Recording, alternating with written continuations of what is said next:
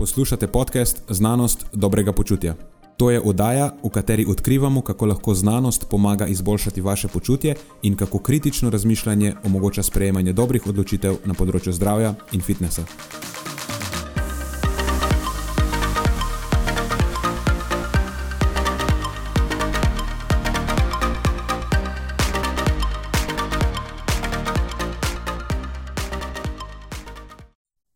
Zdrava prehrana in proteini. Ja, ja, uh, hvala za zelo, zelo uh, specializiran komat. Ne samo na račun tega, da jaz seveda obožujem hip-hop, uh, ampak tudi v duhu današnjega podcasta. Je tako? tako je. In razmišljal sem, da čale sale še ni bil v izbiri začetnega komada. Kar je hm, ne navadno, ampak lej, mislim, da si ta pravo epizodo izbral, da otvorimo še čaleta. Preden začnemo, pa se moram zahvaliti še našim sponzorjem. Zaenkrat to še vedno ni velika korporacija, temveč zvesti poslušalci, ki nam izkazujete zaupanje in podporo s prijavo v našo člansko skupino Znanost dobrega počutja. Hvala vsem, ki s tem držite luči prižgane in omogočate podkastu, da raste in postaja še bolj kakovosten. Hvala tudi vsem, ki nas podpirate s pozitivnimi komentarji in visokimi ocenami, ter s tem, da priporočate podcast svojim znancem in prijateljem. Zdaj pa je končno čas za začetek epizode. Uživajte ob poslušanju.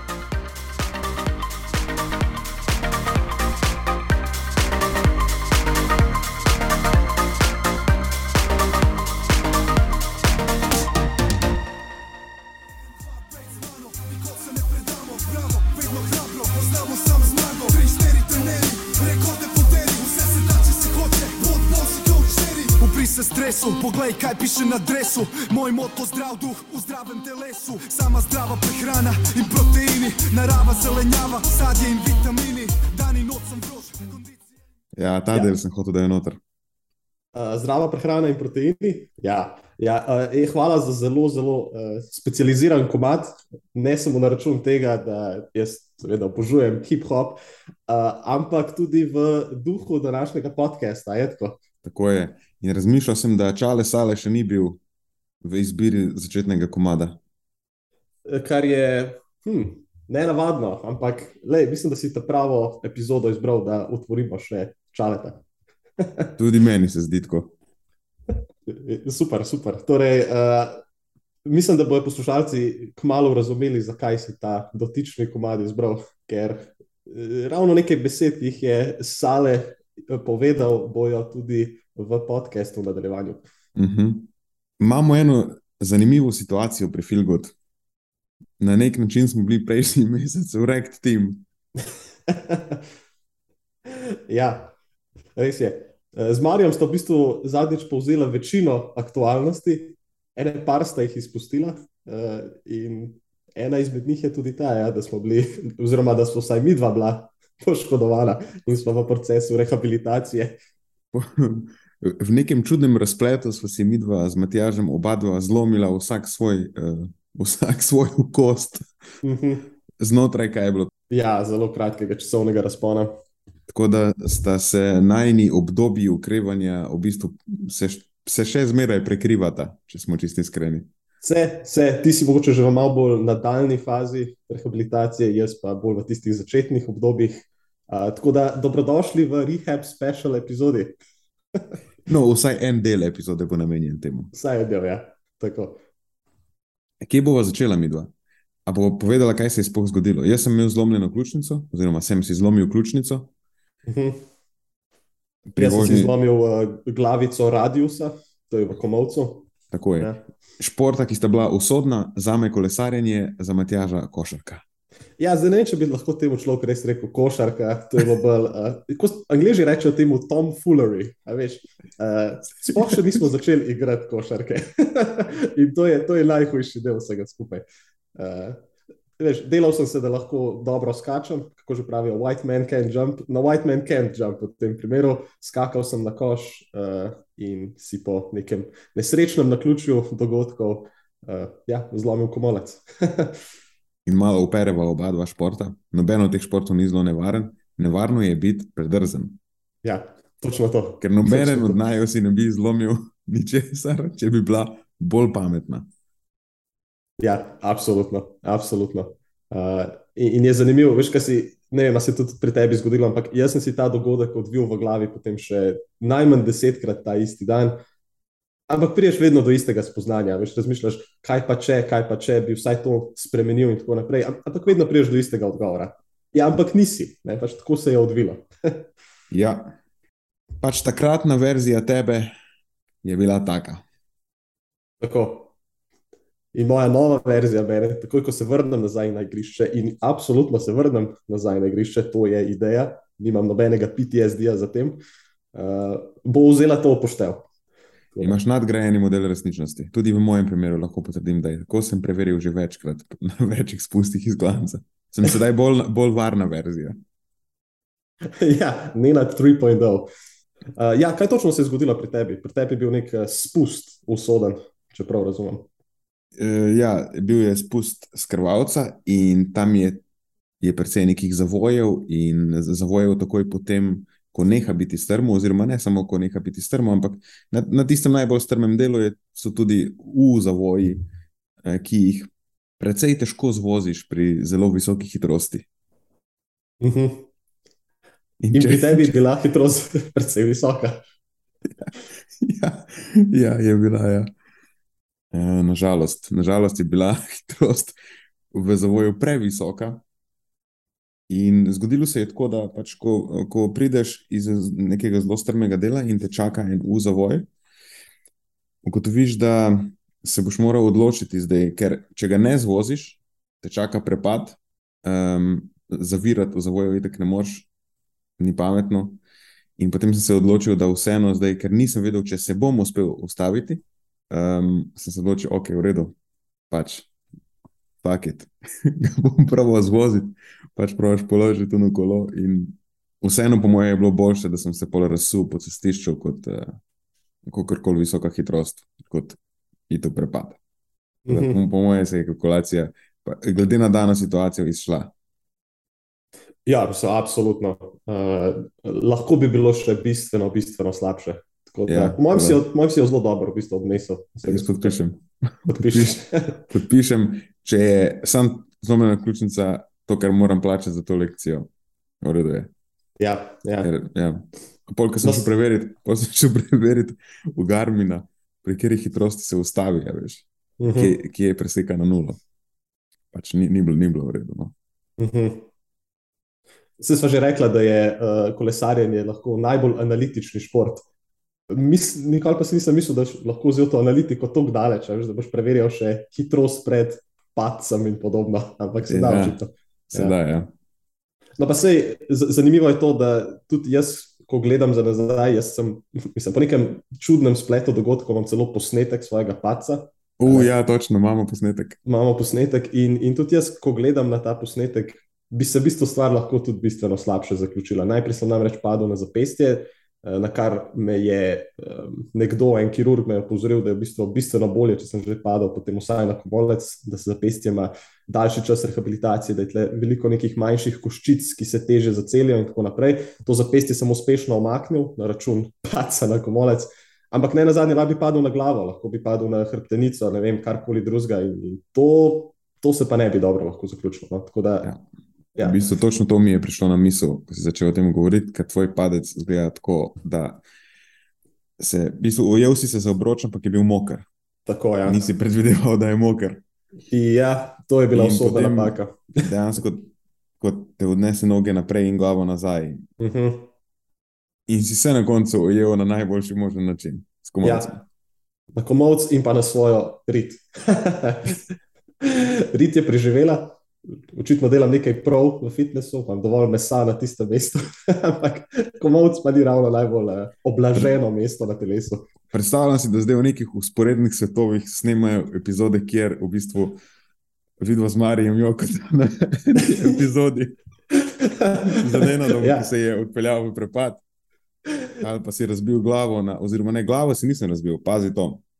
Glave si, razen v usporednem svetu, ki nisem nosil čelade.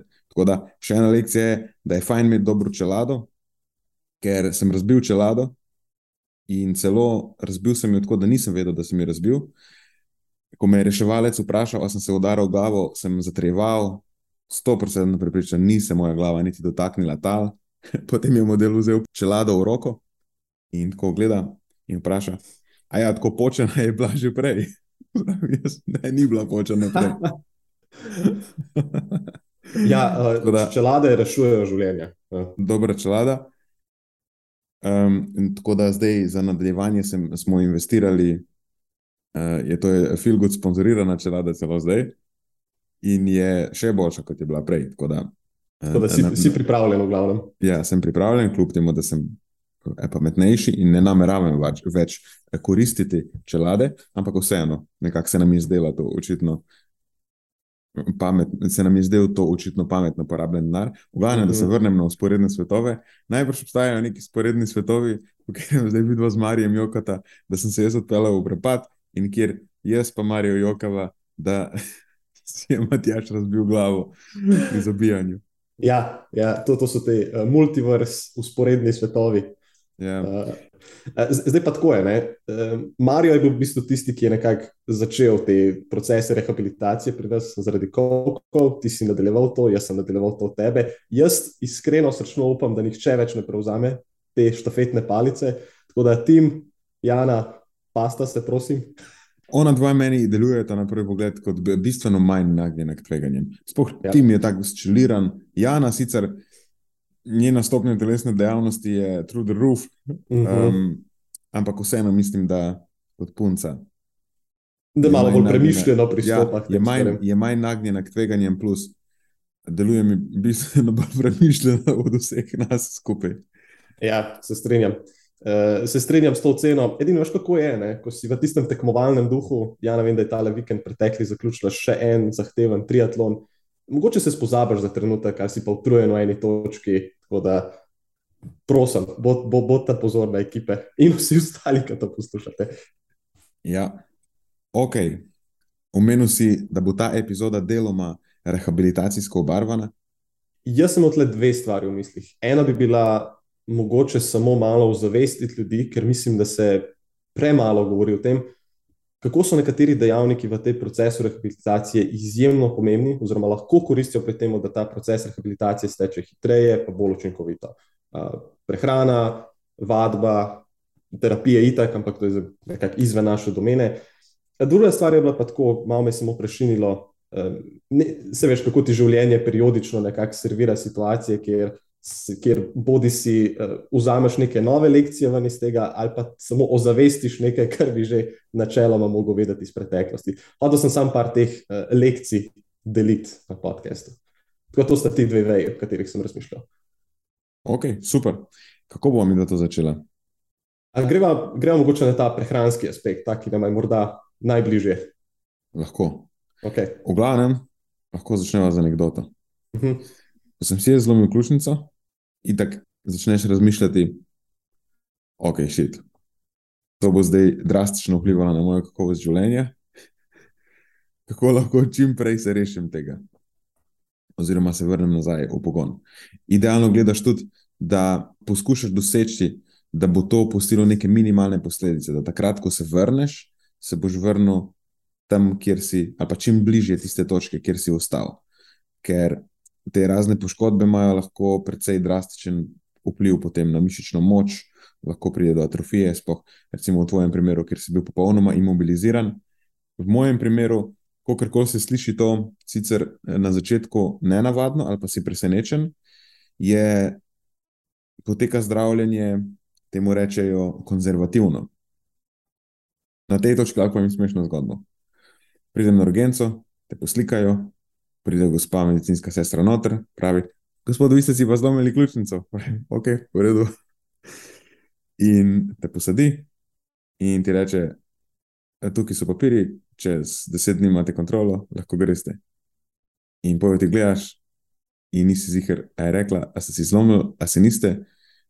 Ok, mislim, rekli ste, da sem si zlomil ključnico, kako zdaj lahko, ker greste, a, bom, a, a, a mi daste kaj. In pol dobiš ne, neko rutico in ti reče, ja, to, tukaj imate rutico, roko mejte v tej rutici in uh, zdravljenje je konzervativno, pač ne premikate tega preveč, za celo se bo samo. Tako da dejansko potem v bistvu nimaš kaj. nekako probaš ohraniti a, to ključnico v normalnem položaju, roke ne premikaš preveč, in tako te tako ful boli, vsaj na začetku. Uh, tudi dost neugodno je občutek. Moram reči, da je precej neprijeten občutek, ko veš, da je stvar zlomljena, oziroma ko veš, da se premika nekaj, kar se prej ni premikalo, ali pa se ne bi smelo, tudi zatipaš lahko, ki je zadeva zlomljena in jo potem probaš držati poravnano.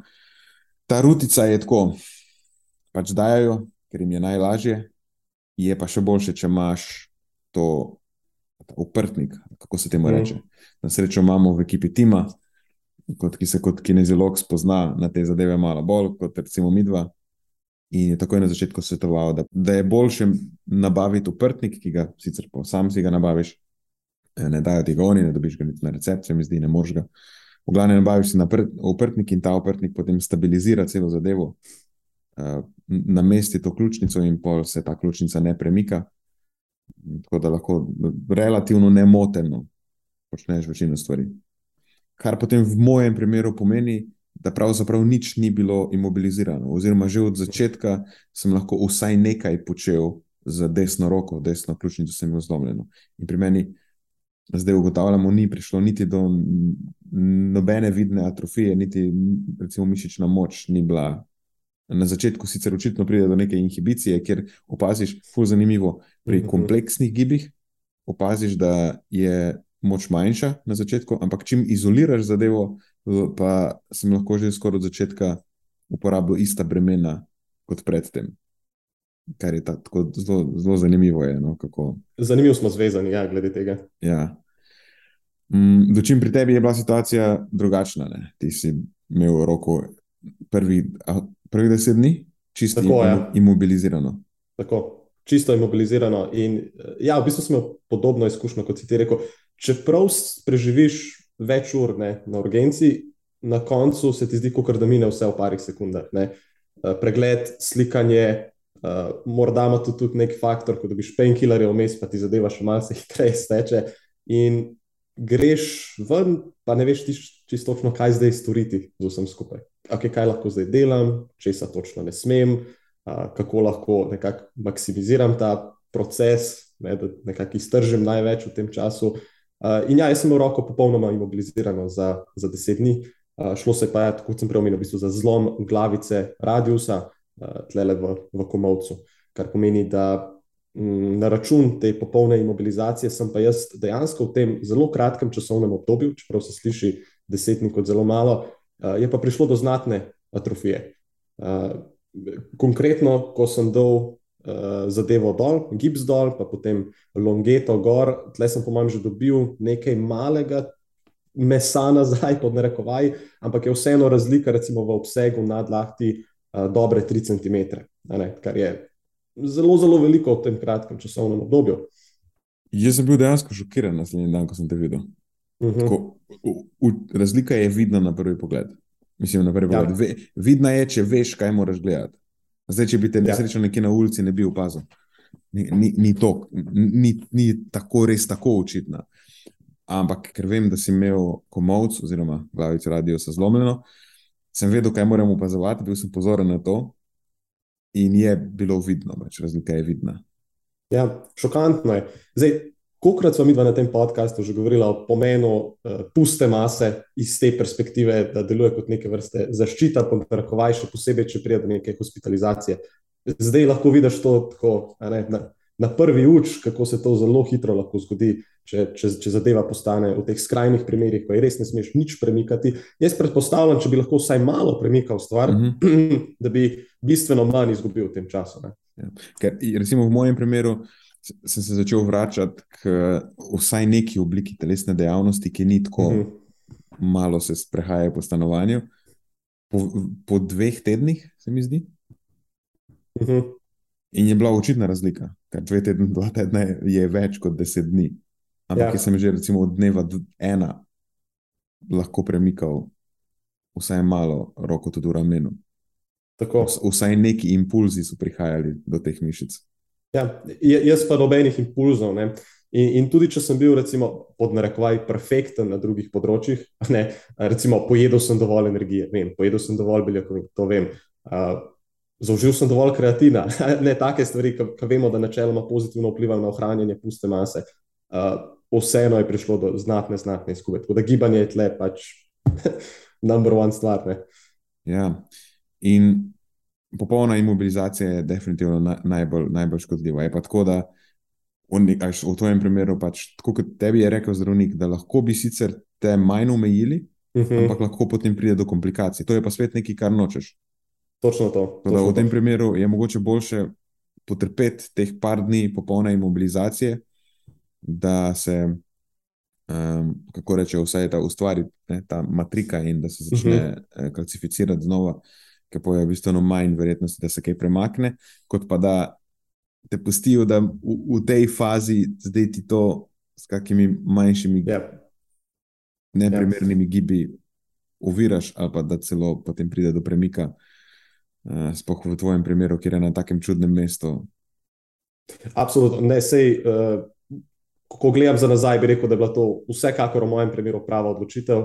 Uh, Ker sem jaz tako malo neurotičen, uh, pa rahlo neroden v nekih situacijah, si predstavljam, da bi se znal hitro kaj zgoditi. Tako da mm. vzamem definitivno ta slaba dva tedna imobilizacije uh, kot, kot pozitivno stvar. No? Ja. Ker pridobiti to pusto maso nazaj bo za me, po mojem mnenju, precej tak mači kašel, tako kot dobim celoten obseg giba nazaj. Tako da, kljub temu, da so se mi dva namenila govoriti o prehrani, ker tukaj so pač oba dva najbolj doma. Da vseeno je bolj kot sama prehrana pomembno to, da si pameten, da ne počneš v tem obdobju neumnosti.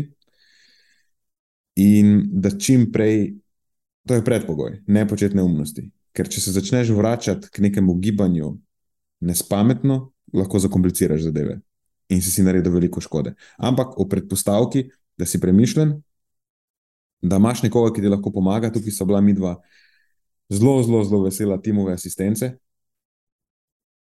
potem pač čim prej začni nekaj delati na način, da ne ogroziš svoje rehabilitacije. Pa na tej točki bi izpostavil še eno stvar, kar velja vse za me. Jaz nisem upošteval navodil zdravnika, zdaj vsem vam absolutno svetujem, da upoštevate svojega zdravnika. Mi dva nisva zdravnika, tako da ne naj poslušate vse, kar bo zdaj sledilo, ni zdravniško Eh, mnenje, predvsem, kar ko spremenjate, posvetujte se svojim zdravnikom. Ampak jaz osebno nisem upošteval zdravniških navodil, ker so po domač pojeno smešna. Ampak tudi, če en ampak, razumem, zakaj so taka. In ne morem reči, da so napačna. Okay? Samo glede na okoliščine je za večino ljudi to priporočilo primerno. Ker ko delaš ti z maso ljudi, pa imaš za vsakega glih pet minut časa, ne moreš oceniti, kakšna je stopnja razumevanja posameznika, kaj njegovo telo zmore in kaj ne. In ko on razume, kako te stvari funkcionirajo, pa je pač najbolj varno reči, noč ne delati. Lahko razgibavate malo v komolcu, ampak ne dvigovati bremen. Ker ko imaš ti zlomljeno ključnico in dviguješ bremena, potem zelo hitro se je zakomplicira, zadeva se premakne, narobe se zaraste in to pomeni lahko trajne posledice, ali pa pomeni, da bodo mogli v tem, da se trajnim posledicam izognemo, zadevo nastaviti s pomočjo operacije, v glavnem, bistveno bolj invazivno. Zato pač rečejo, ne dvigovati bremen. Sam, samo tako je.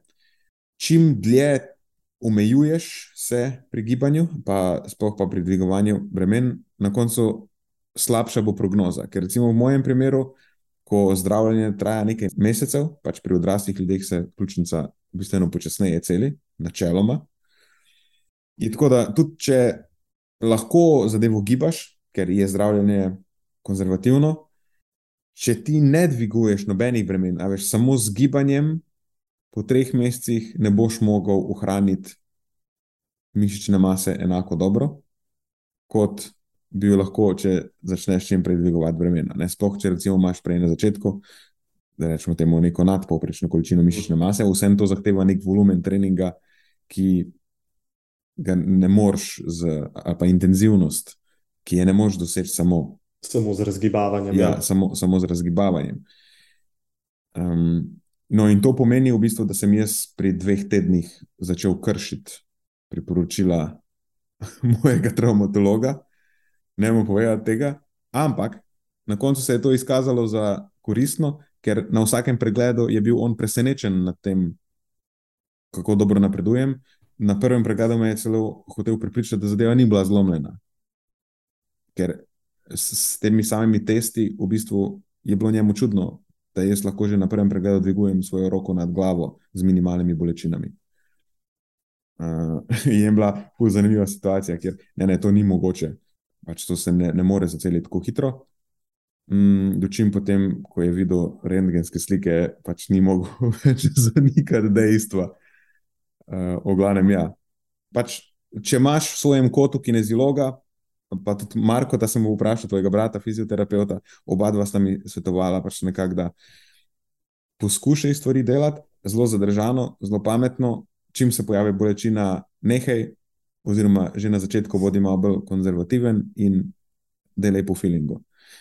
To je priporočilo, ki ga lahko daš nekomu, ki recimo razume anatomijo, pa ve, kako se kaj pripenja, pa kako se kaj sestavi v telesu pa na kaj mora biti pozoren. Ne? Zdaj, nek, nekomu čist z ulice, ki recimo nima nobenega pojma o človeškem telesu, tako v rekovajih, nobenega pojma, pa zelo površno razumevanje, ne vem, če mu lahko glih ta na svet daš. E, ti pa tudi ne moreš, včasih lahko kak na, na svet pade na zelo neplodna tla. Če nekdo že nima neke, nekega osnovnega razumevanja o tem, kako stvari stojijo. In je najbolj varno reči, dokler ni čisto doceljeno, ali pa vsaj večinoma zaceljeno, ne dvigovati ničesar. Ja, pusti primeru, ne diraj. Ja.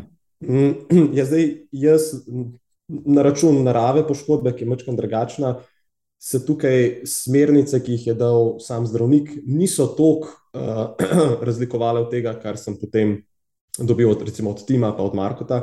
Uh, samo da Tim in Marko sta mi potem seveda dala nekakšne stopničko ali pa dve više. Uh, Eh, sam zdravnik mi je sicer pokazal nekatere vaje za samo razgibavanje, ne, ampak to so tako zelo, zelo osnovne stvari, ki pa spet, kot si rekel, ne, če, če moče nimaš te uh, nekega A, osnovnega znanja, anatomije v ozadju, pa B, mogoče tudi neke te osnovne uh, vadbene higiene, pod narekovaj, da si veš v teh stvarih. Jaz si ne predstavljam, da to izvajaš tako zelo, zelo učinkovito ali pa zelo redno, ki potem vodi v najboljše rezultate. Uh, tim mi je potem dal še cel nabor drugih vaj ne, in pa tudi priporočal trening z bremenom, takoj ko je bila stvar zaceljena uh, do take mere, da smo s tem lahko začela. Uh, in zato sem mu neizmerno hvaležen, ker to je eno znanje, ki ga jaz vsekakor nimam. Uh, in po drugi strani tudi terapije pri, pri Markotu, pa njegovi nasmeti, nasveti so bili uh, neprecenljivi, no, ker vidim že akutne izboljšave uh, znotraj teh segmentov. Tako da, ko potegnemo črto, obstaja še nekaj potencijala uh, v tem procesu zdravljenja. Mislim, da bi bila prognoza pri, pa lahko rečemo, vseh boljša, če bi poleg teh rednih pregledov na traumatologiji lahko bil deležen še neke obravnave pri kineziologu, pri fizioterapeutu, ki ti pa potem lahko svetuje, kako glede na tvoje stanje, pa nekako ocenil bi lahko. Iz kakšne baze štartaš, kako ti lahko z nekimi nasveti pomaga, da v bistvu prej začneš z gibanjem, da prej začneš uporabljati bremena. Mislim, da ima lahko tako zelo signifikanten vpliv na prognozo. Še, še posebej, ok, pusto, ko je nekdo mlajši, se pridobiš mišično maso, potem nazaj, relativno hitro. Pa vseeno, a pa sploh pri starejših, ker je to težje. Ker tam pa lahko en tak zlom, kjer pride do uh, hude atrofije, lahko pomembno vpliva ne samo na kakovost življenja, tudi na dolžino tvojega življenja. Uh mhm. -huh. Ker kasneje v starosti je mišična masa neka zelo. Neprecenljiva stvar, ki je zelo težka. Neprecenljiva stvar. Ja. -huh. Ok, torej, kljubca, gibanje, absolutno najpomembnejše. Tako. Zdaj pa lahko pristaviva še svoj lonček. Tako, prehranski lonček prehranski lonček. A nam boš kar povzel, Matjaš, kaj so, da naredi neko hierarhijo. Hierarhijo, to pa znam. Po, po tem principu pa zelo rado delam. ja, a, absolutno se strinjam. Veliko prostora je še za izboljšave in vključiti le v proces enega kinezologa, fizioterapeuta, mm, ogromno lahko prispeva. Uh, bi pa lahko tudi delal nutricionista, oziroma ne bi lahko, ampak kar bi, trdilni stavek, uh, uh, koristili celotnemu procesu. Zdaj, jaz ne bi šel tukaj zelo v drobovje, ampak izpostavil bi pa tiste ključne prehranske dejavnike, na katere mora biti posameznik pozoren, ko je v času rehabilitacije. In prvi izmed njih je nek primeren energijski vnos. Ko rečem primeren, mislim predvsem zadosten. Jaz bi tukaj raje priporočal tak rahel energijski suficit, kot pa, mislim, bistveno bolje, kot pa to, da posameznik v tem času hujša. Ker rehabilitacija, celjenje, obnova tkiva je energijsko gledano zelo potraten proces in ne moramo pričakovati, da bomo zgradili eno hišo na zelo omejenem budžetu, kjer lahko, um, kaj pa vem, zaposlimo samo enega človeka, da nam tam dela na hiši, a ne pa poskrbi za napeljavo, pa za vodovod, pa ne vem kaj še vse. Vse se bo nekaj zgodilo, ampak trajalo bo bistveno, bistveno dlje časa, kot bi lahko, če bi zaposlili celo ekipo ljudi ne, na, na, na dovolj budžeta. Tako da dovolj energije. Probamo ohranjati nekako tisto telesno maso, ki smo imeli pred pojavom poškodbe, ali pa celo nekaj malega pridobiti, in to je to. To je mogoče tako najbolj zdravo, razumsko načelo na tem naslovu. Uh, Druga stvar bi bil pa primeren oziroma višji vnos beljakovin. Proces celjenja tkiv seveda zahteva višji vnos beljakovin, ker um, pač, uh, to, to poškodovano tkivo zahteva. Ne? Rabi več teh nek, nekih gradbenih elementov. Če smo dali prej tisto prispodobo gradnje hiše, bojo beljakovine tukaj pač predstavljale neke opeke, recimo v tej prispodobi. Marsikdo si misli, pač kosti, rabiš več kalcija samo. Ampak ni čistko sploh na začetku, ko se oblikuje ta matrika, tukaj je precej enih beljakovin zraven. Točno to. In na to matriko se potem dejansko obeša kalci in, in, in drugi minerali. Ampak ja, sama matrika je pa seveda pretežno beljakovine. Uh, tudi na koncu osteoblaste, pa vse te ostale celice, ki sodelujejo v tem procesu, beljakovine. Beljakovine, točno to. In ta vnos beljakovin, ki se glasi tam nekje v razponu vsaj 2 gramov in pol na kilogram telesne mase. To je precej visok vnos beljakovin. Do tega ne prideš po nesreči. Vsekakor ne. ne. Ne končaš dneva, pa bi, ojoj, danes se pa po nesreči prišel na ta vnos beljakovin. Kje pa? Ne? Prej se zgodi, da priješ maksimalno do polovice te točke, sploh če nisi ozaveščen na tem naslovu. Uh, tako da treba imeti nek plan na mestu, ne, nekega rednega hranjenja z beljakovinami, uh, sicer nam bojo zelo hitro izostale. Poleg tega pride v tem procesu lahko do enega fenomena, ki mu pravimo anabolna odpornost. To je tudi nekaj, o čemer smo se že pogovarjali na tem mm -hmm. podkastu. Uh, sicer pojav, ki se pogosteje zgodi pri starejši populaciji, kjer naše telo, če se tako zelo lajčno izrazim, postane do neke mere tako um, rahlo odporno na anabolni odziv beljakovin zaužitih iz prehrane. Bi morali pri posameznem obroku zaužiti več beljakovin, da pridemo do tega istega zaželenega efekta. Ali pa recimo. To, ali pa recimo pri resnejših poškodbah, kjer so vključene tudi recimo, neke hude odrgnine, kjer si, si mm. poškodoval mm. večje dele kože, v glavnem, kjer je telo v, tako, globalno v stanju povečanega vnetja. Tako, ja. tako. odrgnine, um, tudi razne opekline in podobno. To je definitivno so take situacije, take hude situacije v bistvu. No.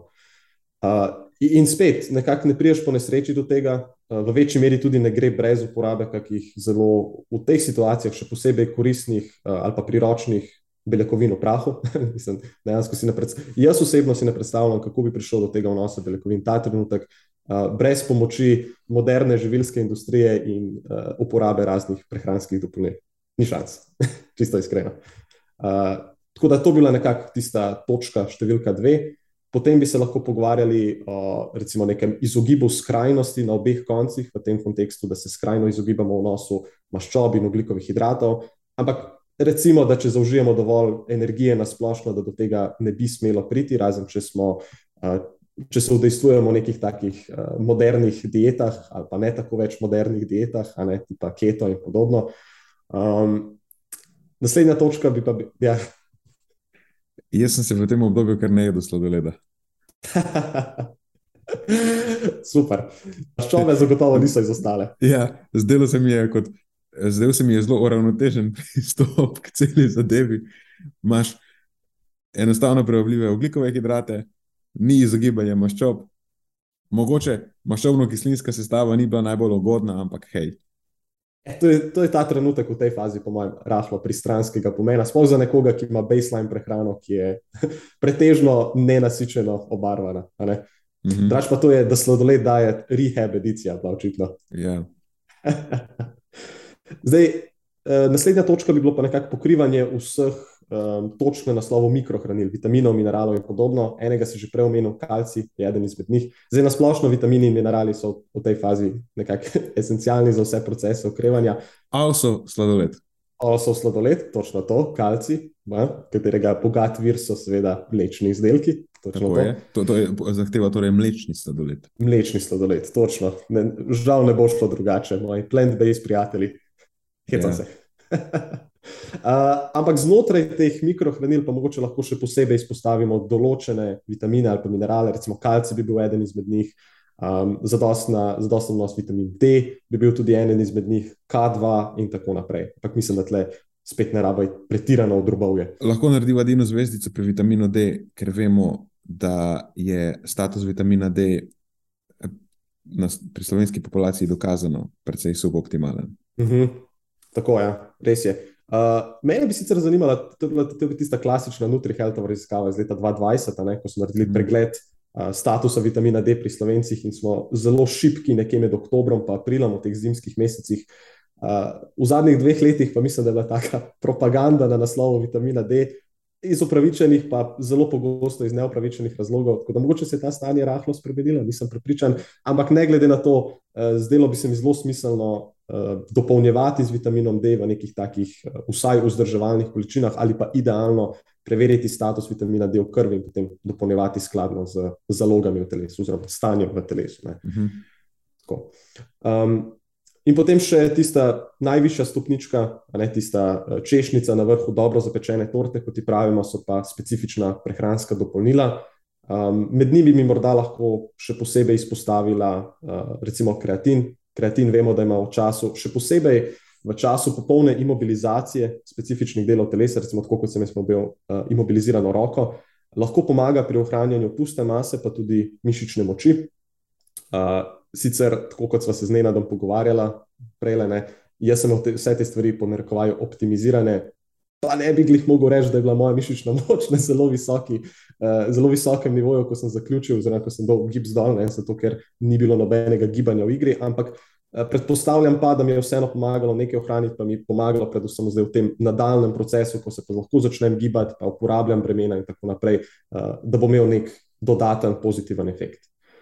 Um, kaj bi še lahko moče izpostavila dodatno, je potencijalno uporaba uh, vsem priljubljenega kolagena ali pa mogoče bolje rečeno specifičnih aminokislin, a ne recimo glicin, bi bil potencijalno v tej fazi lahko še posebej koristen iz vidika uh, rehabilitacije, morda tudi uh, nižanja te percepcije bolečine v sklepih ali pa izboljšanja funkcionalnosti sklepov. Spet tukaj so učinki precej marginalni, ampak morda lahko na vrhu vsega tega, o čemer smo se zdaj pogovarjali, še vseeno nudijo nek tisti procent razlike v končni fazi. Tako, zdaj pa pravzaprav ne vem, sem nekako zajel vse skupaj, mislim, da se kaj izpustil. Ne, po mojem, si povzel vse. Okay. To je to, kar lahko trdimo, vse ostalo je v oblakih. Tako. Pa, še, pa če smo se čisto iskreni, ta zadnja točka, o kateri sem govoril, je tudi še precej v oblakih. Ja. Tako Da, ne bom zdaj zavil v stratosfero, ampak sem raj tukaj ustavil prizemljen. ok, a so obdelala mi ta rehabilitacijski del? Ja, mislim, da. Cool. Jaz imam pripravljeni še dve zadevi. Hm? Prva je, pred kratkim je, ne pred kratkim, včeraj je bil objavljen en zanimiv članek z naslovom Dose Response Association of Aerobic and Muscle Strengthening Physical Activity with Mortality.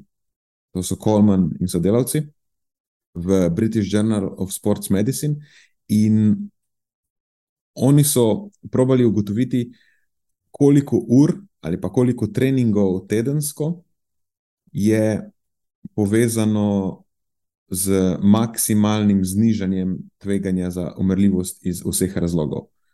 Po domače povedano, odgovarjali so na vprašanje, koliko je zdaj tista količina telesne dejavnosti ali pa ne, treningov, ki lahko rečemo, je povezana z najboljšim zdravjem. Uh-huh. Ker imamo neka različna priporočila, obstajajo neka splošna priporočila, ampak noben jih ne ve, koliko so dejansko utemeljena na, kako so trdna ali pa dejansko utemeljena na podatkih. No, oni so tukaj vzeli podatke iz te njihove, to je ameriška National Health Survey, ki je potekala med leti 97 in 2014. In to so potem povezali s tem njihovim National Death Index do leta 2015. Na koncu so pa dobili kohorto 416.420 američanov. In potem so naredili model, ki je nadzoroval za starost, spol, raso, oziroma etničnost, prihodek, izobrazbo, zakonski stan, kajenje, indeks telesne mase in kronična stanja, da so potem na koncu dobili neka razmerja tveganja. Torej, ugotavljali so za vsako uro dodatne telesne dejavnosti, oziroma za vsak trening, v primeru vadbe za krepitev mišic, nekoliko se dejansko zdaj zniža tveganje, kakšna je ocena, koliko se uh, zniža tveganje. So pa ločili med aerobno telesno dejavnostjo, vključili so moderate pa vigorous aerobic physical activity, to je zmerna in, bomo rekla, naporna aerobna telesna dejavnost in pa vadbo za krepitev mišic, temu so rekli muscle strengthening exercise. In zanimivi rezultati so.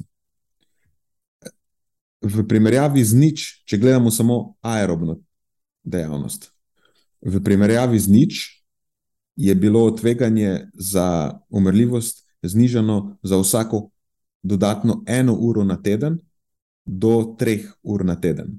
Tukaj je potem nekakšna krivulja, se počasi izravnala. Imáš strmo upadanje do treh ur, in potem se počasi izravnava z minimalnimi dodatnimi znižanji. Mislim, da je bilo nekje tam do, tudi do sedem ali celo osem ur. Ampak vse, vse tiste dodatne ure dodajo bistveno manj. Je pa razmerje tveganja pri eni uri, nič cela 85, lahko rečemo recimo nekih 15 odstotkov znižanja tveganja, in potem do 3 ur pade na nič cela 73, kar je skoraj 30 odstotkov znižanja tveganja. To je za aerobno telesno dejavnost. Potem pa še posamezno za vadbo za krepitev mišic, v primerjavi z nič treningi, oziroma oni so to rekli times, koliko krat, pač enkrat en trening, lahko tako interpretiramo. Torej, v primerjavi z nič treningi se je umrljivost znižala pri ena do štirih treningih na teden. Ni bilo neke signifikantne razlike med ena, dva, tri ali pa štiri treningi na teden, in tukaj je bilo pa razmerje tveganja nič cela 89, torej dobrih 10 odstotkov zniženo tveganje. Učinek je recimo tukaj, učinek na umrljivost je v tej analizi recimo bistveno manj izrazit, če primerjaš samo aerobno telesno dejavnost, pa vadbo za krepitev mišic, pri vadbi za krepitev mišic je učinek bistveno manjši, vidimo. Ne? Nekako primerjamo skoraj 30 za 10 odstotkov. Mm, in kar je bilo še zanimivo, je to, da ko so analizo certificirali za spol, je bil učinek pri obeh spolih podoben. Če gledaš obe krivulji, se intervala zaupanja obeh krivulj za moške in ženske malenkost prekrivata je bila pa krivulja vseeno nekoliko bolj strma pri ženskah kot pri moških, in obstaja minimalna razlika, ki nekako nakazuje na še bolj iz, uh, izrazit ugoden vpliv pri ženskah kot pri moških. Ampak vseeno precej podoben učinek. Eh, bolj očitna razlika se je pa pokazala, ko so stratificirali podatke za starostni skupini nad in pod 60 let, kjer je bil bistveno večji učinek pri starejših od 60 let, in tam je recimo tri ure na teden pokazalo razmerje tveganja nič cela šest, pomeni 40 odstotkov znižanje tveganja.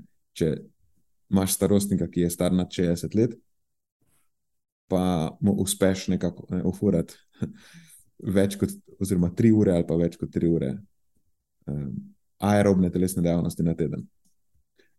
In te tri ure upoštevaš, da to je moderate to vigorous, ne?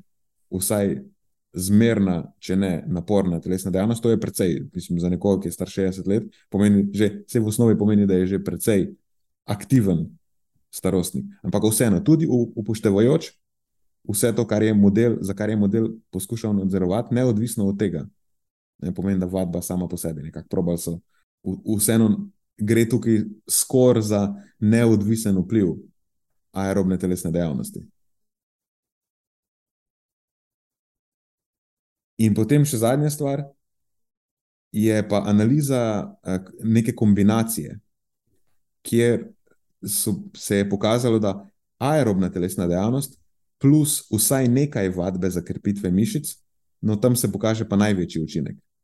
In je pri vseh starostnih skupinah, pač generalno na vseh podatkih, tri ure na teden ocenjeno z razmerjem tveganja nič cela šest. Kar pomeni, da neke tri ure na teden, primarno sicer zmerne do naporne aerobne telesne dejavnosti, očitno z vsaj enim treningom, oziroma ja, vsaj enkrat vadbo za krepitev mišic, je najbolj ugodno. Uh -huh. In je spet, ne, imamo razmerje tveganja, ni cela šest, pomeni 40 odstotno znižanje tveganja, karikirano.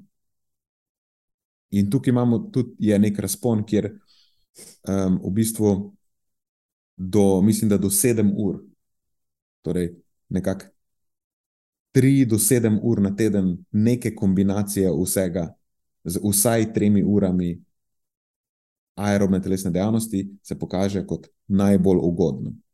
Uh -huh. torej, tukaj zdaj imamo konkretne podatke, ni, ni samo neko predvidevanje, koliko je zdaj uh, telesne dejavnosti zadeva zahteva. Da, če, če čist zaključek je tak, da ne glede na spol ali pa starost, podatki nakazujejo, da se signifikantno znižanje umrljivosti pokaže že pri vsaj eni uri na teden telesne dejavnosti, pa potem do tri ure na teden se kažejo še neke dodatne koristi, torej se eh, znižanje za umrljivost še precej signifikantno znižuje, potem tam do sedem ur počasi se zadeva izravnava. Manjše znižanje umrljivosti se pokaže tudi samo pri vadbi za krepitev mišic, kjer je podoben učinek tam ena do štiri treninge. In na koncu aerobna telesna dejavnost, kombinirana z vsaj nekaj vadbe za krepitev mišic v trajanju tam treh do šestih ur na teden skupno, to se pa pokaže kot najbolj ugodno. Ne, kjer imamo v primerjavi recimo z izključno aerobno telesno dejavnostjo pokazano še dodatno znižanje tveganja. Uh mhm. -huh. Torej, ključno sporočilo bodi hibriden športnik. Ne, ne zanemarjaj aerobne aktivnosti na eni strani in vadbe za moč na drugi. Uh, torej, učinek je očitno kumulativen, to sem te hotel že tam na začetku vprašati. Rekl si nekih 30 odstotkov redukcije, pa dobrih 10 uh, z, v primeru vadbe za moč, oziroma 30 za aerobno aktivnost, in skupaj lahko prijeti do nekih 40 odstotkov. Ja, lahko bi skoraj tak zaključek ja, rekel, ja, da, je, da je mhm. kumulativen. Če pa to primerjamo recimo s temi eh, podnarekovaj klasičnimi smernicami, ki jih najpogosteje slišimo, eh, kaj že 150 minut nekaj lažje. Ja, nekih 150 minut je. Ja. Je tako. Se pravi, v bistvu ta številka bi skoraj držala, če bi pa teh 150 minut mogoče bolj prenesli na malce bolj rigorozno aktivnost, ne, ne samo lažjo aktivnost. Mislim, da se to pogosto ljudje interpretirajo kot samo vem, lahek sprehod ali kakorkoli že, pa to najbrž ne bi ustrezalo temu. Ne, absolutno lahek sprehod temu mm -hmm. ne bi mhm. ustrezal. Mislim, ja. To zahteva vsaj, ne vem, če je že hitra hoja zmerna telesna dejavnost. V bistvu nisem ziger v, v tej definiciji, ampak sigurno lahko bi na podlagi nekega srčnega utripa mogoče. Mm -hmm. Ja, ja. Ampak ne znam iz glave. Ne, ne, se razumem. Uh, absolutno razumljivo, pa tudi uh, ravno smo se o tej temi pogovarjali pred kratkim v, v Džimu in razglabljali o tem, kako zagotovo to ne, more biti, ne morete biti enaki stvari. Ne? Uh, neka zelo lahka, uh, lahek sprehod, pa čeprav bistveno bolje kot nič v primerjavi s tem, če nekdo res dejansko malo bolj rigorozno trenira, malo bolj dvigne srčni utrip v teh uh, aerobni sferi. Uh mhm. Ja, je pa tako, da kar se tiče vplivov na razne vrste tveganja, je tako, ja, rekel, kot si rekel, boljše je kot nič, ampak ta neka najlažja oblika telesne dejavnosti ponavadi ni zelo močno povezana uh -huh. z mhm. čemer blih. Uh -huh. Vsem se bo treba. Malo se bo treba zadihati. Ja, ja se treba zadihati. Ja. Ok, super, super. Me veseli, da lahko zdaj, od zdaj naprej malo bolj konkretno komuniciramo o tem, ker običajno sem se probil uh, losati tega, ker so se mi zdela tiste priporočila malo bolj tako še ne za res dobro definirana, no, malo bolj v oblakih. Je pa, recimo, kot si rekel, nekak, v bistvu je kar dobra, do, dobro predvidevanje. Teh 150 minut gre v pravo smer. Ni, ni še čisto pravo prišlo. Ja, ja, ni čist optimalno priporočilo, mogoče gre pa absolutno v pravo smer. Super, super. No, sej, samo malce se jih prilagodi, pa smo zmagali. Je pa tukaj še nekaj zanimivega. Ta, ta članek ni prosto dostopen. Okay? In Mhm. tudi uh, revije, pri katerih, na, na kere smo naročeni, uh, na kere je Univerza v Ljubljani naročena, oziroma tudi Biotehnična fakulteta, na kere je naročena, v tem naboru namreč, namreč ni Britical eh, Journal of Sports Medicine, tako da do tega članka nisem mogel dostopati na normalen način. In kot smo že v prejšnjih epizodah parkrat omenila, tudi SciHub več ni uporaben za ta namen v svoji prvotni obliki. Tako da je ta članek prvi članek v tem podkastu, ki smo ga, lahko rečemo, piratizirali s pomočjo tega novega, namreč odkar SciHub več ne deluje, obstaja neka, ne, ne- neka nadomestna stran, ki se mu reče Science Hub Mutual Aid, ki je skupnost, nek forum, kamor ti eh, dodaš svojo zahtevo za članek, oziroma svojo prošnjo za članek, in ti potem nekdo drug iz tega foruma, ki ima dostop do te revije, članek posreduje. In je zelo zanimiv koncept, ker na začetku, ko se prijaviš na to stran, imaš na voljo 50 točk, to je neka valuta tam, te točke, in vsaka prošnja te stane vsaj 10 točk, in potem recimo podaš, lahko daš tudi več točk, ampak 10 je neka minimalna. In potem podaš svojo prošnjo na forum, plačaš za to 10 točk, in tisti, ki ti dostavi članek, mu plačaš za to z desetimi točkami. In kar sem jaz naredil včeraj, je, da sem pač podal zahtevo za ta članek na, na forum, plačal za to 10 točk, in medtem ko sem čakal, sem pa po, pobrskal po forumu in pogledal, uh, kje članke prosijo drugi ljudje, in sem potem preveril, do katerih revij pa preko univerze imamo dostop, in sem medtem pridelal še 40 točk, ne, da sem nekako odplačal. Wow, pa to je kot ena taka online poker igra. Znanstveni pirat, ne rad. Ampak mutual aid je, veš. Ne? Nek, nekdo Ja, ja, ja, ja. je meni pomagal, nekomu sem jaz pomagal. Ja, ja, medsebojna pomoč. Ja. Uh, super, super. Uh, dobro si se dokopal do tega članka. Tako Da, ja. je, je pa zadeva precej elegantno funkcionira. No? Hitro dobiš članek. Uh -huh. Očitno je skupnost zelo aktivna in vsekakor v prihodnje se je nameravam posluževati. Super.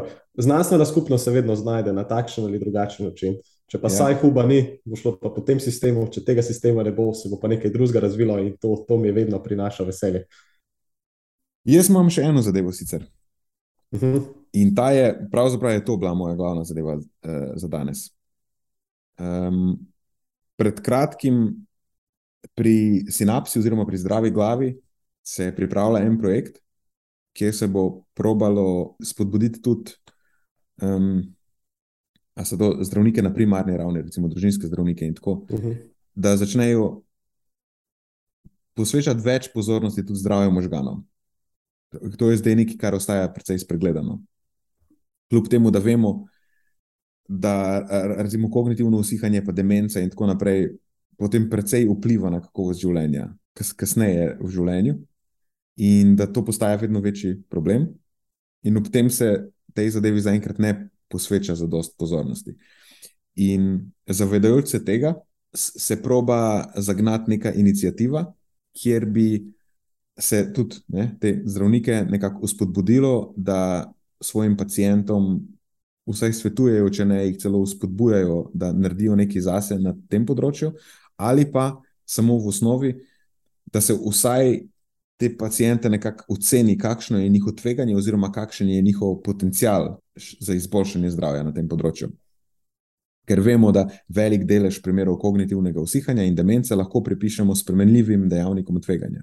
Pomeni, da vsak lahko nekaj naredi, kljub temu, da imajo ta stanja tudi eh, močno, da, da se močno poveča tveganje eh, tudi iz naslova nekih nespremenljivih dejavnikov, ne starost, recimo spol, eh, eh, stopnja izobrazbe in tako naprej. Vseeno obstajajo pa spremenljivi dejavniki tveganja, s katerimi lahko na to vplivaš. In pri splošni populaciji je precej teh dejavnikov tveganja nenaslovljenih. Tako da tudi, ko ti imaš osebo, lahko ji vsaj daš izpolniti nek vprašalnik in ugotoviš, kakšen je še potencial te osebe, kaj lahko še naredi. Ali pa vsaj da oceniš uh, neko tveganje. In zdaj, če nas zanima, kakšno je posameznikovo tveganje ali pa potencial za izboljšanje, potrebujemo nek. V angleščini je izraz dementia risk score. Potrebuješ nek vprašalnik, utemeljen na nečem, ki je seštevek posameznih eh, tveganj, ki ti da nek končen rezultat, neko uh, skupno oceno tveganja. In zakaj je to za poslušalce zanimivo? Zato, ker, ker potem na podlagi tega vprašalnika, upoštevajoč, da je utemeljen na nečem konkretnem, lahko preveriš, kaj ti dejavniki sploh so. Veš, kje se znotraj tega najdeš. Vidiš, kje v teh posameznih dejavnikih, mogoče v tvojem konkretnem primeru, še ni zadostno uh, naslovljen. In zanimivo je, da obstaja na področju zdravja možganov en precej dober, mm, dober vprašalnik, dober točkovnik, The Lifestyle for Brain Health Index, Libra Index je kratica. In ta Libra Index temelji na sistematičnem pregledu literature in na nečem, če se reče Delphi konsens. Ta Delphi konsens je v tem primeru konsens o izboru relevantnih dejavnikov, ki jih lahko spremenimo. Pač Delphi metoda je ena metoda, sker, ampak ne bom zgolj besed o tem. V glavnem, s tem pol, gre za neko skupno oceno posameznikovega potencijala, da izboljša zdravje na področju možganov. In ker se upošteva ta Delphi konsens o izboru re, relevantnih dejavnikov, ki jih lahko spremenimo, pomeni, da Libra indeks izključuje tiste dejavnike, ki so nespremenljivi. V, v tem konkretnem primeru so to starost, spol, pa stopnje izobrazbe. In zakaj pravim, da imamo dober vprašalnik, a pa nek dober točkovnik? Zato, ker je validnost tega Libra indeksa že potrjena.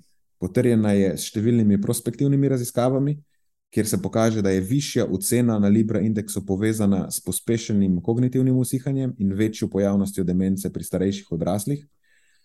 Eh, pri starejših odraslih pomeni v angleščini to midlife in late life nekako od 40. leta dalje, niso samo prav starostniki.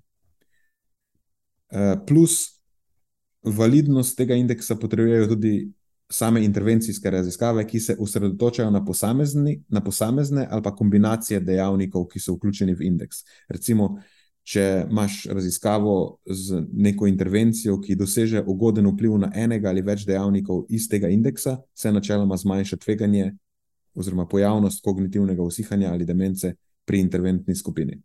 Tako da imamo že povezavo s tem Libra indeksom, s končnimi izidi. Torej, če nekdo doseže više točke na Libra indeksu, več točk pomeni bolj neugoden življenjski stil, je to povezano s slabšimi končnimi izidi. No, kar je bilo pa zdaj zanimivo, m, mm, pred kratkim, pač znotraj tega, ker sodelujem v, v tej skupini, ki to pripravlja, mi je prišel pod roke članek, ki, pa, ki daje temu indeksu pa še večjo validnost, ker je zdaj ta indeks povezan tudi z medijatorji tveganja. Torej, konkretno s patološkimi strukturnimi spremembami, ki pogosteje nastajajo že pred samim nastopom simptomov, torej že pred samimi nekakšnimi končnimi izidi. Oziroma, povezan je s patološkimi strukturnimi spremembami, ki so značilne za progresijo kognitivnega usihanja in razvoj demence čist po domače, to pomeni, da Libra indeks ni po, več povezan samo s končnimi izidi, ampak je povezan tudi s samimi neurobiološkimi markerji zdravja možganov. Ta članek, o katerem sem govoril, so Heger in sodelavci. Naslov je Associations of the Lifestyle for, for Brain Health Index with Structural Brain Changes in Cognition. Objavljen je bil v reviji Neurology 2021. In oni so pokazali, da imajo posamezniki obeh spolov z višjo oceno na Libra indeksu um, večji volumen white matter hyperintensities. O tem so že enkrat govorila v eni izmed prejšnjih epizod. Um, čist na hitro, to so eh, lezije, bel, bele možganovine, ki so na MRI, torej eh, slikah z magnetno resonanco, vidne kot hiperintenzivnosti, taki beli, beli madeži. In to v bistvu nakazuje na poškodovano tkivo, mislim, da je prevladujoča hipoteza, da do tega pride zaradi ishemije oziroma poslabšanega pretoka krvi in posledično pomanjkanja kisika v teh regijah. In to je potem povezano z poslabšano funkcijo žilja v možganih. Uh, če se vrnemo na to raziskavo, v tem primeru samo pri moških, se je pa pokazala tudi povezava više ocene Libra indeksa z neugodnimi vplivi na volumen sive možganovine in pa neugoden vpliv na količino likvorja oziroma uh, cerebrospinalne tekočine. Potem je bil pa še višji Libra indeks povezan tudi z nižjim uspehom na testih hitrosti procesiranja informacij, izvršilnih funkcij in pozornosti, pa pri moških tudi z poslabšanim spominom. In nek zaključek je, torej, da lahko neodvisno od starosti, spola in stopnje izobrazbe, Libra indeks dobro napove tveganje za splošno atrofijo možganov, slabše stanje žilja v možganih in na zadnje tudi eh, poslabšano kognicijo, pospešeno kognitivno usihanje in razvoj demence.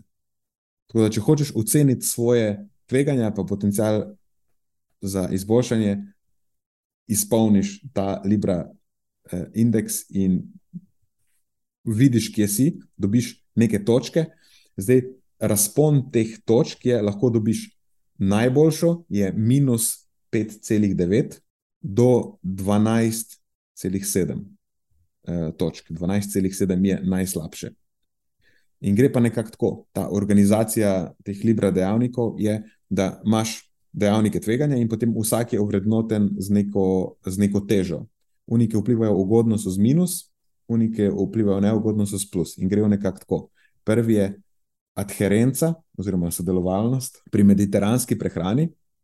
In tukaj se uporablja ta točkovnik od nič cela devet in vsaj šest na tem točkovniku, Torej, če imaš devet pogojev, kaj pomeni mediteranska prehrana, šestim od teh pogojev moraš ustrezati, in to je uteženo z minus 1,7. Okay? Potem je telesna nedejavnost, ki je utežena z 1,1, torej kot neugodni vpliv. In če se vrnemo zdaj na eno tisto, kotov je manj kot 150 minut na teden zmerne do naporne telesne dejavnosti. Torej, več kot to moš doseči, da ne rabiš prišteti 1,1. Potem je kajenje, oteženo z 1,5, nizek vnos alkohola, to je manj kot 70 gramov alkohola na teden, je oteženo z minus 1,1 nič, torej kot ugoden vpliv je, da piješ manj kot 70, oziroma da zaužiješ manj kot 70 gramov alkohola na teden. Koliko je to v enotah? 70 gramov? Ja. Po mojem je to Ali je možno, da je to 7 enota, ni 10 gramov etanola, ena enota? Ja, nekaj takega, nisem bil pripričan, mislim, da je 10 gramov. Ja. Se mi zdi, da to pomeni potem 7 teh enot na teden, se pravi, kaj 7 štamprlev ali pa 7 piv, morda. Ja, pa, pa 7 decilitrov vina. Tako, tako. Okay. Cool. Potem je naslednja debelost, ki je utežena z 1,6 in uh, eh, Katov je pa indeks telesne mase več kot 29 kg na kvadratni meter.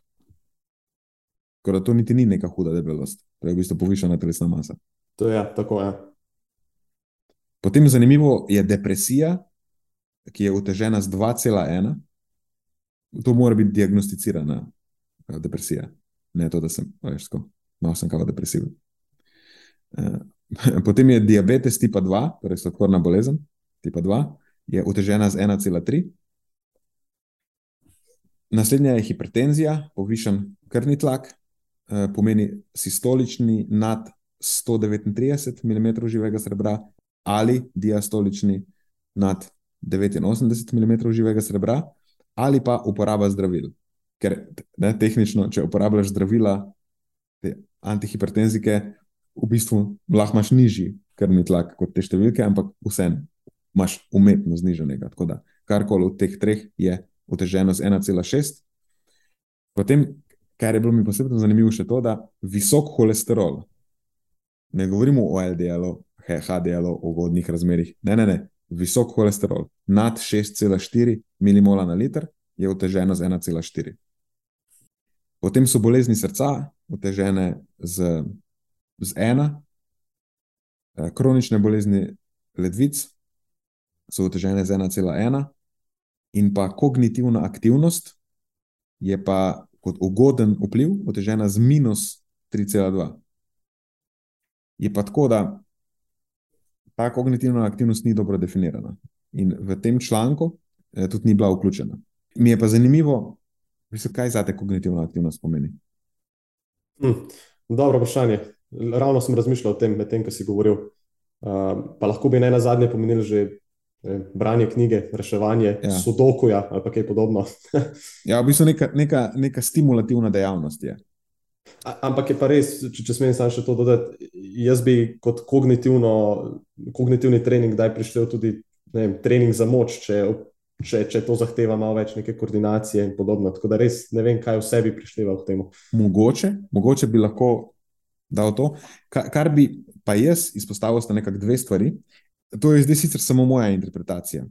Mislim, da je neka oblika uh, družabne dejavnosti najbolj koristna stimulacija za možgane. In tudi vemo, recimo, da uh, še posebno uh, kasneje v življenju se, se izkaže kot neka družbena upetost, kot, kot, zelo, kot zelo pomembna za zdravje na vseh področjih. Pa se mi zdi, da za neko psihološko, pa kognitivno zdravje še posebej. Tako da mogoče, če bi že razmišljala, pa je mala iz nabora telesnih dejavnosti, mogoče nekaj, nekaj socialna. Uh -huh. mogoče neki ekipni športi. Pa ples, ja, pa igranje družabnih iger lahko morda. A pa igranje družabnih iger, ja, ta, ta, uh -huh. Plus še ena stvar, ki sicer ni nikjer tukaj omenjena, najbrž zato, ker je to področje dosti mlado, so razne oblike meditacije, ker o tem so pa z Marijem v prejšnji epizodi govorila, da so tudi povezane konkretno z samimi, tudi s samimi strukturnimi spremembami možganov. -huh. okay, zanimivo. Tako da to je nabor. Vsak v bistvu lahko izbere iz tega nabora. Če narediš izračun, jaz sem ga zase naredil in bil v bistvu dosegel ta minus 5,9. To sem ravno hotel vprašati. Mislim, ja. da je to vse poslušalce zanimalo. Če si že izpolnil Libra indeks, ali pa rezultatov. Sem ga izpolnil. Ja. Super, zdaj ga moram še jaz, zdaj me pa res zanima.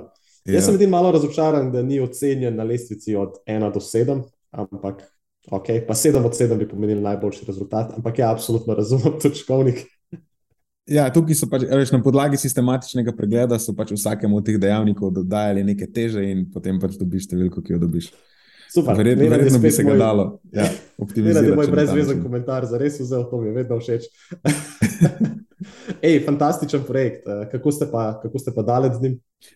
Ko, začeli smo, zaenkrat v bistvu še debatiramo, na kakšen način, tudi na načelni ravni, kako je to smiselno, pa na kakšen način ga polo komponirati, pa kaj z njim narediti, pa dodati še vem, v obliki nekega priročnika, kaj zdaj uh mhm. -huh. konkretno narediti. Vse je bolj še v fazi tega pogovora, ker vse je to potem nek projekt, ki več zahteva določen čas, določena sredstva. Seveda, ja, razumljivo. Ja, potem uh... nekaj stvari s sabo. Je pa za konec še ena stvar, ker zdaj najbrž te zanima, ok, ti izračunaš to in dobiš neko številko. Pa mogoče ta številka je neka, pa si misliš, da je zdaj previsoka, ali je preniska. Ok, zdaj če pač priješ na minus 5,9, nekako več na podlagi tega, kar trenutno vemo, kar je evidence-based, več kot to ne moreš narediti. Ampak recimo, da imaš dva ali pa tri, ok, kaj pa zdaj? A je smiselno se še, ga še dodatno zniževati, ali kakšen učinek sploh lahko pričakujem. Iz tega članka lahko razberemo, kje se je smiselno nahajati, oziroma kje se, neki, kje se začnejo neki ugodni učinki, pa kje začne zadeva počasi razpadati. In če pogledamo za posamezne izide, recimo v, pri volumnu sive možganovine, je pri moških linearni opad, tako precej drastičen, zaznan že od minus 2,7 dalje. Predvsej nizko se začne. Uh mhm. -huh. Za volumen cerebrospinalne tekočine, spet eh, pri moških, neugoden vpliv linearno narašča že od minus 2,7 dalje pri hitrosti procesiranja informacij, spet pri moških, začnejo padati pri 2. Izvršilne funkcije in pozornost, spet pri moških, začnejo padati pri 2.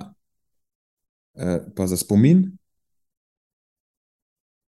pri moških, začnejo padati spet pri minus 2,7. E, še bolj izrazito pa tam od, od nič cela dalje. Tako da, kaj je najbolj idealno, očitno, na podlagi teh podatkov, ki jih imamo, je tam okoli nič, zdaj idealno je, če si lahko v minusu. Pri dva pa te najbrž moraš že resno skrbeti. Uh -huh. Predstavljaj si, kaj je, če imaš pet, šest, sedem. Ja, pa tudi kak lifestyle je to in podobno. Si, ja. si, si predstavljam. Ja. Ja. Um, je pa, večkrat sem omenil pri moških. Zdaj, pri moških je ta povezava res izrazita. Zakaj se ne pokaže pri ženskah? Stvar je taka, da pri ženskah, sicer če gledaš povprečje, vidiš, ne, da so, sicer so res premice manj strme, ampak vseeno nakazuje se nek vpliv, sam zadeva ni statistično značilna. Ne, tudi čeprav pri ženskah stvar nakazuje na neugodne učinke, upad je manj strm, ampak vseeno, po moje, pač ni zadost podatkov in ni čist dober vzorec, da bi se učinki pokazali za statistično značilne na podoben način tudi pri ženskah. Ker ena večina žensk v tem vzorcu je imela nizek seštevek Libra indeksa, pomeni, da ženske že v osnovi bolj pazijo na svoje zdravje, pa imajo bolj ugoden uh, življenjski slog. In potem zaradi tega imaš visoke intervale tveganja pri visokih vrednostih, ker imaš malo podatkov za visoke vrednosti pri ženskah in enostavno pač ni statistično značilen rezultat. Uh, plus še ena stvar je, da pri moških se atrofija možganov začne kazati bolj zgodaj v življenju, že v srednjih letih. Medtem ko za ženske je bolj značilen strm upad kasneje v življenju, po 60. letu. In zdaj to je hipoteza, da, tega, eh, da so bile zaradi tega na tem vzorcu poškodbe možganov zaradi življenjskega sloga pri moških bolj izrazite kot pri ženskah. Ker tukaj ta vzorec je bil od 40 do 75 let. In pri moških že dejansko začneš lahko pričakovati nek uh, bolj drastičen upad pri 40 letih, medtem ko pri ženskah še ne moš. Tako da jaz vseeno ne bi zdaj na podlagi tega naredil zaključka, ok, ženska sem vseeno mi je verjetno bo učinek zelo podoben. No? Tudi če je, bil, če je bila za večino izidov zadeva statistično značilna, v tem primeru samo za moške. Uh mhm. -huh. Zdaj pa ena stvar, omenjal si, da nekako uh, raziskave so narejene tam okrog 40 let dalje starosti. Ja. Predvidevam pa, da vsi ti efekti, negativni, potencialno so kumulativni skozi življenje. Kdaj pa se ti zdi, da bi bilo smiselno začeti izpolnjevati tako vprašalnik? Včeraj. Včeraj, ok. Mislim, pač gre za potencial. In ja, se pri zdravju možganov je tako, da nič se ne bo pokazalo, razen če se udariš v glavo. Mislim, kaj, kar je mhm. pa vse skupaj nerelevantno. Brez čelade. Če se udariš v glavo, ja. brez čelade. Veš, ne gre pričakovati, da, se, da bo že pri 30 letih, da boš zaznal. Mislim, mhm. mogoče, ne vem, če res slabo skrbiš zase, mogoče tudi. Ampak nekaj, kar se pol izkaže kot statistično značilno na, na večjem vzorcu, veš, to, to se potem zgodi šele po. Že pri 40 letih je relativno uh mhm. -huh. zgodaj. Jaz sem bil presenečen, realno. Ja, se je res. Ja. res je. Torej, ko vstopimo v, v odraslo dobo, čim hitreje akcije. ja, čim hitreje. Mislim, ne rabiš čakati, da vstopiš v odraslo dobo. Ja, tudi ne. Um, ja, tako da to je to. Libra okay. indeks lahko izpolniš in ugotoviš, kje si, in tudi imaš konkretno potem kriterije, vidiš, kaj ne mhm. izpolnjuješ, pa kaj lahko še optimiziraš. In tudi, če se želiš odločiti po neki, kaj boš zdaj prioritiziral, uh -huh, lahko preveriš, kaj je oteženo bolj in kaj manj. Ne rabiš začeti z vsem naenkrat. Hočeš reči, da imaš tudi tukaj hierarhijo postavljeno? ja, absolutno. Ne, zdaj, recimo, če imaš uh, visok krvni tlak ali pa visok holesterol, veš, kaj je pomembnejše. Uh mhm. -huh. Visok krvni tlak je otežen z 1,6, visok holesterol z 1,4. Izberi. ja, izberi. ja, ja, ja, ja. Ok, ok, razumljivo. Recimo diabetes tipa 2 je otežen z 1,3, tako da greš tako. Najprej odpraviš visokrvni tlak, potem popraviš holesterol in pa se ukvarjaš z diabetesom. Ja, Ampak se realno. Vse tri točke lahko naenkrat. Ja, ja. Skoraj vse naenkrat vključiš. Ja, ja. Um, ali pa debelost, recimo z 1,6. Če imaš povišeno telesno maso, se ukvarjaš s tem, da znižaš svojo telesno maso in spet gre z roko v roki verjetno boš ugodno videl, da so bili preomenjeni točki. Ja, sladkorja v krvi, zni, nižji boš imel krvni tlak, pa tudi vrednosti holesterola bodo najbrž mm. nižje. Ali pa kajenje, če kadiš, samo nekaj škodi, to je pa 1,5. Drugač pa ena stvar, ki mi je še manjkala, je bilo spanje. Nikjer ni omenjeno spanje. Res, ne navadno. Ja, tako da to bodo mogoče še dodali v naslednjih verzijah. Ja, ja. Ok, a so pripeljali mi do konca? Mislim, da smo še eno uh, mid-season epizodo, oziroma podaljšek druge sezone, ali kako smo ga zdaj poimenovali. Ja. Konec. Drugače pa, update, konec tega tedna, mislim, da se dobimo v studiu. Malo bomo počakali, kako je availability, kako so, kako so dostopni producenti, eh, zvočni mojstri in tako naprej, kako studio zgleda, kaj je treba še zrihtati. In na začetku naslednjega tedna bodo, mislim, da prvi testi, potem pa mogoče konec, že se lahko zmenim dejansko za, za snemanje prve epizode. Prva gostja je že v nizkem štartu. Um, drugač pa v vsakem primeru sem naslednji teden zmenjen za Jano, za njeno krstno epizodo. Uh, to bo zanimivo, komaj čakam. Ja. In pa odlične novice na naslovu podcasta. Tretja sezona je torej trka na vrata. Ja, trka na vrata. Ne bi se rad preveč obljubljal, ker sem že. Nikoli ne veš, kaj se bo zgodilo še vmes. Ne? Vemo, ja. kako je šef produkcije in eh, glavni scenograf, naš zaposlen, tako da lahko mu še kaj pride vmes. Ampak vsekakor, jaz ga vztrajno cukam za rokav, ne dam mu umiril, vmes je bil nekaj še bolan, jaz mu kar težim, ko je bolan. Skratka, daješ vse od sebe. Dajem vse od sebe. Ja. Okay.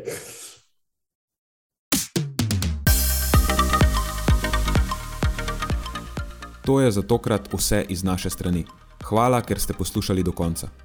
Delite epizodo s svojimi znanci in prijatelji in jo priporočajte dalje, saj s tem omogočite, da sporočilo znanost dobrega počutja doseže čim večjo množico.